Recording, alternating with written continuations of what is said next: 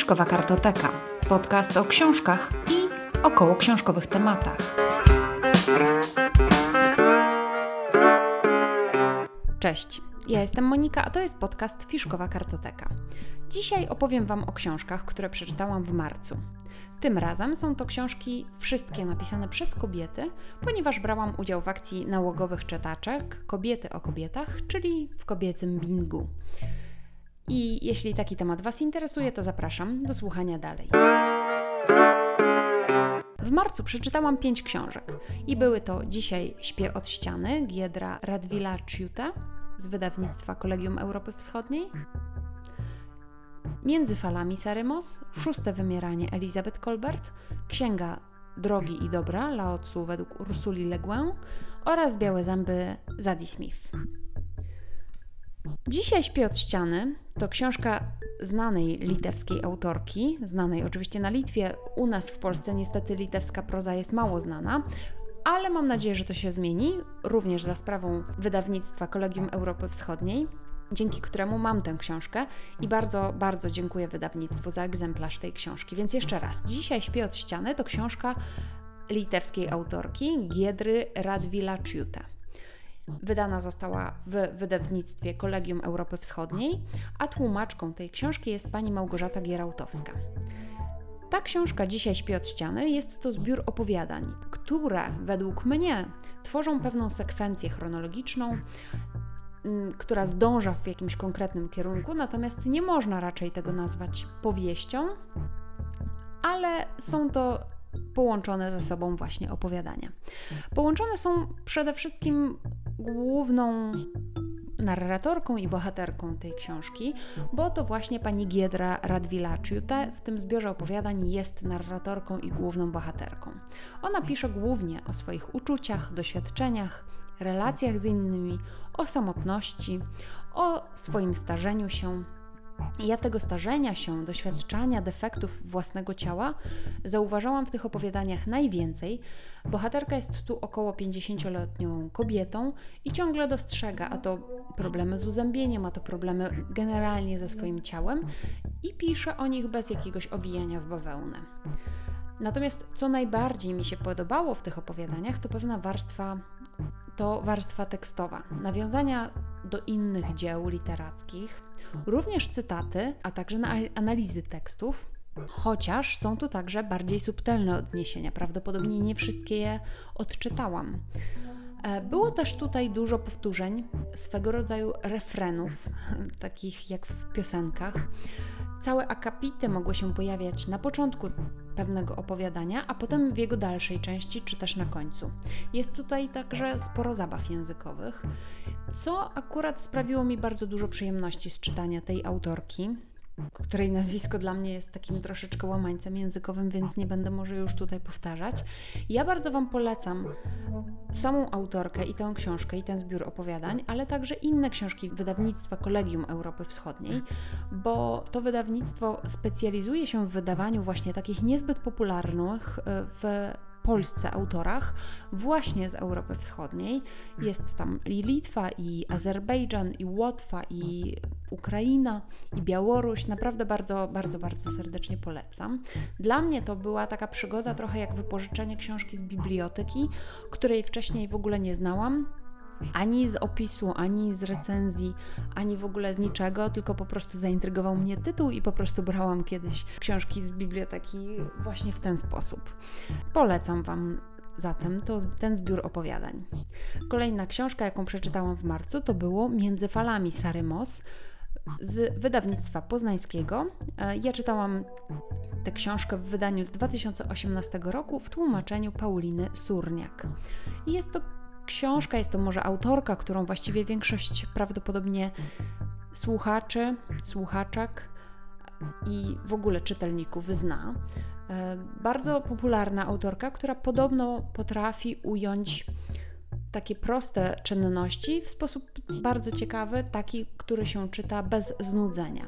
I tutaj w tej książce Między falami narratorem opowieści jest ojciec, który jest pokazany w dość nadal, mimo wszystko, mimo całego ruchu równouprawnienia, to ten ojciec jest pokazany tutaj w dość nietypowej roli. Ojca, który opiekuje się domem, który sprząta, gotuje, opiekuje się dziećmi, zawozi właśnie swoje córki do, do szkoły, a matka pracuje zawodowo. I historia tej książki opowiada o rodzicach właśnie dwójki młodych dziewcząt, którzy to rodzice przeżywają koszmar, kiedy jedna z córek traci przytomność, przestaje jej bić serce i chociaż zostaje odratowana dosyć szybko i łatwo, to nadal pozostaje swego rodzaju strach, obawa o życie córki. A co jeśli to się powtórzy? Co było przyczyną w ogóle tego wypadku? Czy młodsza córka jest bezpieczna, bo może to jest jakaś genetyczna wada?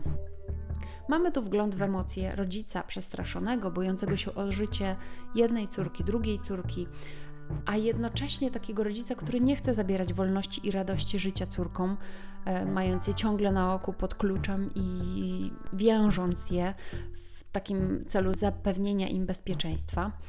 Widzimy też tutaj pewnego rodzaju mm, niezgodności pomiędzy rodzicami, bo nie nazwałabym tego kłótniami, ale niezgodności.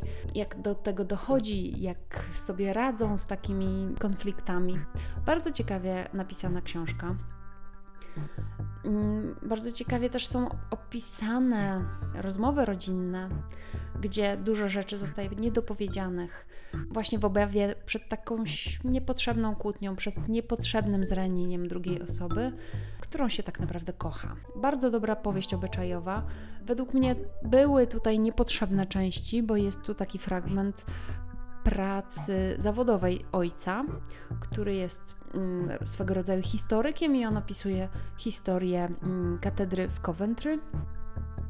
I według mnie właśnie te rozdziały o budowie katedry w Coventry i historii jej nie do końca mi pasowały do tej książki. Oczywiście dzięki tym opisom dowiedziałam się o istnieniu takiej katedry, poczytałam też trochę o niej na Wikipedii, ale mimo wszystko uważam, że dla historii samej nie miało to znaczenia i można byłoby to opuścić zupełnie. Dla mnie to był taki wypełniacz po prostu treści. Ale samą książkę bardzo polecam. Trzecią książką, jaką skończyłam czytać w marcu, to było Szóste Wymieranie Elizabeth Colbert. Książka wydana w wydawnictwie WAB w 2016 roku w tłumaczeniu Piotra Grzegorzewskiego i Tatiany Grzegorzewskiej. O tej książce możecie posłuchać obszernej relacji i obszernej recenzji w poprzednim odcinku podcastu. Znajdziecie do niego link w notatkach do tego odcinka. Natomiast pokrótce, ta książka składa się z 13 rozdziałów. Każdy z tych rozdziałów jest uzupełniony o dość pokaźną liczbę przypisów i każdy z rozdziałów właściwie opowiada o jakimś konkretnym gatunku zwierzęcia, które wyginęło albo które jeszcze walczy o przetrwanie, chociaż raczej prawdopodobnie jest to walka przegrana. Wraz z historią wymierania tych gatunków poznajemy poszczególne bezpośrednie przyczyny ich wymierania. Każdy z tych powodów jest opisany dość szczegółowo, ale jednocześnie klarownie i prosto.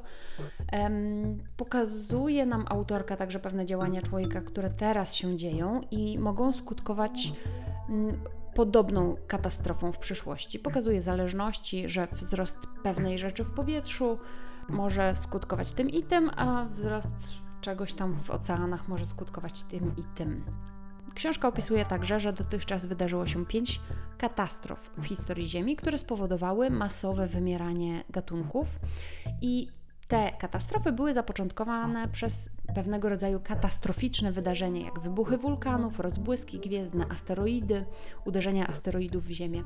I te katastrofy drastycznie zmieniały warunki na Ziemi w taki sposób, że żyjące na niej gatunki nie nadążały, aby się do nich zaadaptować i wymierały. Autorka wskazuje z kolei, że dzisiaj jesteśmy świadkami kolejnego, szóstego wymierania, masowego wymierania gatunków, które nie jest wynikiem jakiejś katastrofy takiej naturalnej typu wybuch wulkanu, ale to my, ludzie i nasza działalność prawdopodobnie jest właśnie przyczyną tego wymierania. E, książka jest napisana, tak jak wspomniałam, przystępnym językiem, ilość informacji nie przytłacza, ale jednocześnie można się dowiedzieć wielu naprawdę niesamowitych ciekawostek i przytaczanych jest tu dużo, dużo danych. Nie jest to reportaż napisany sucho i bezosobowo, to warto wspomnieć. Dużo też jest tutaj autorki, która dzieli się swoimi odczuciami, ale jednak to pozwala też w pewien sposób wczuć się w opowiadaną historię. Kolejną książką w marcu, jaką skończyłam czytać, to Ursula Le Guin, Księga Drogi i Dobra, albo może Lao Tzu, Księga Drogi i Dobra, w przekładzie Ursuli Le Guin i w spolszczeniu e, przez Justynę Bargielską i Jerzego Jarniewicza. Książka została wydana w 2020 roku w wydawnictwie Pruszyńskiej Spółka e, i ta książka, Księga Drogi i Dobra, to jeden z najczęściej tłumaczonych chińskich tekstów. Jest tu 81 rozdziałów, które wykładają swego rodzaju reguły taoizmu. I na polskim rynku ukazało się już przynajmniej kilkanaście tłumaczeń. Ta ilość wynika podobno z niejednoznaczności języka chińskiego, a także z trudności wyjaśnienia taoizmu, który sam w sobie jest mocno paradoksalny, sam sobie zaprzecza, jest też tak jak właśnie mówiłam, no, taki enigmatyczny. I Ursula Le Guin w prologu do tej książki, w takim wstępie, wspomina, że po prostu od bardzo dawna ta książka jej towarzyszyła, bardzo jej się podobała i postanowiła przełożyć te teksty, dość do tej pory tłumaczone w jakiś taki sposób suchy, e, nieprzystępny, właśnie w sposób bardziej poetycki i bardziej literacki. I faktycznie te teksty w tłumaczeniu Ursuli Le Guin, angielskie teksty, bo w tym polskim wydaniu mamy po lewej stronie tekst angielski, a po prawej stronie tekst polski właśnie w tłumaczeniu Justyny Bargielskiej i Jerzego Jarniewicza. Natomiast te teksty po lewej stronie, angielskie teksty Ursuli Le Guin, są naprawdę przepięknie przetłumaczone. Znaczy, nie wiem jak są przetłumaczone, ale one są przepięknie napisane, właśnie takim poetyckim językiem. Czyta się to jak wiersze. Można je sobie też swobodnie interpretować, a po prawej stronie mamy te spolszczenia, które już trochę mniej mi się podobają nie, nie byłam jakoś szczególnie za, zadowolona tym, tymi polskimi e, tłumaczeniami. W niektórych miejscach wydawały mi się tak nie do końca mm, uchwycone ta poetyckość. Ursula Le Guin przetłumaczyła tę chińską księgę z przekładów i opracowań angielskich, wielu podobno. E, I pomimo tego, że oczywiście opierała się na wielu takich wiarygodnych źródłach, no to wiadomo, że nie jest to tłumaczenie bezpośrednio z języka oryginału. Plus dodatkowo ona tak samo jak podkreślała w, we wstępie, chciała stworzyć tekst bardziej poetycki, bardziej literacki i bardziej przystępny dla takiego szarego czytelnika. Więc um, dla, nawet już po angielsku nie jest to super wierne tłumaczenie, ale jest właśnie pięknym językiem napisane. No i teraz to polskie tłumaczenie to jest tłumaczenie już tłumaczenia. Więc to jest naprawdę, dlatego właśnie mm, z kolei w posłowiu tłumacze polscy tłumaczą się, że to nie jest tłumaczenie, tylko raczej spolszczenie i dlatego też sobie pozwolili na swego rodzaju dowolność w tłumaczeniu. No i ta dowolność już mi się trochę mniej podobała nie do końca mi się wydawały niektóre fortunne, niektóre słowa, które wybrali tłumacze, ale to oczywiście jest ich wybór. Więc fajnie, że wydawnictwo zdecydowało się pozostawić angielski wariant Ursuli Le Guin. Dla tych, którzy chcą przeczytać po polsku, no to mają również polskie tłumaczenie. No i ostatnią książką, jaką przeczytałam w marcu, to Białe Zęby Zadie Smith. Ja czytałam ją w wydaniu 2000, z 2017 roku w tłumaczeniu Zbigniewa Batko. Okazało się, że tę książkę teraz w marcu 2021 roku czytałam już po raz pierwszy w 2012 roku, ale absolutnie nie pamiętałam fabuły. Przypomniał mi to dopiero Goodreads, kiedy chciałam wpisać książkę w w swój spis książek, które skończyłam czytać. No i przypomniało mi się, że jednak już ją mam na liście. Ja cały czas podczas czytania miałam skojarzenia z Middlesex, e, Jeffreya Eugenidesa albo z Nigdzie Indziej Tomego Orange'a. E, z tą drugą książką przez taką budowę historii, która zmierza do jakiegoś finału, ale nie wiemy do jakiego, nie wiemy co się wydarzy, ale spodziewamy się jakichś dramatycznych wypadków. A z kolei z Middlesex, ponieważ jest to historia imigrantów i pokazana z takim rozmachem historia kilku pokoleń tych imigrantów. I dla mnie za tę konstrukcję. E, uważam, że na autorce na, należą się naprawdę duże gratulacje, bo tę powieść czyta się z ogromną ciekawością, z takim zainteresowaniem, co się wydarzyło, co się stanie dalej, jak zareagowali e, bohaterowie. No i w ogóle też przez to, że książka jest całkiem obszerna, to bohaterowie mają tutaj i czas, i przestrzeń na to, żeby się rozwinąć, żeby na naszych oczach dojrzeć, żeby jakieś takie historie ich się mm, no, żeby dobrze wybrzmiały. Więc to mi się bardzo podobało. Widzimy też, kim są bohaterowie, jacy ma, jaki mają charakter. Wobec tego też dla nas ich działania, ich czyny no nie są zaskoczeniem, wynikają logicznie z jakiejś ich przeszłości. Jednak samo to, że to poprzednie czytanie nie zostawiło absolutnie we mnie żadnej, żadnego śladu, to może być znakiem tego, że bardzo możliwe, że znowu zapomnę tę książkę. No nie wiem, zobaczymy, czas pokaże. Polecam mimo wszystko tę książkę, chociaż nie jestem jej wielką fanką, to polecam właśnie ze względu na tą świetną konstrukcję, świetnie zarysowane charaktery, no i taką ogólną łatwość czytania. I to wszystko. Dziękuję za wysłuchanie tego odcinka. Zapraszam na kolejne. Jeśli macie ochotę na dodatkowy kontakt ze mną, to zapraszam na moje konto Instagramowe, gdzie znajdziecie mnie pod nazwą Fiszkowa Kartoteka. Zajrzyjcie do notatek do tego odcinka, tam znajdziecie linki do książek, o których dzisiaj mówiłam. Zapraszam także na mój drugi podcast Lubię Wiedzieć, bo tam mówię o różnych ciekawostkach naukowych. Do usłyszenia. Cześć.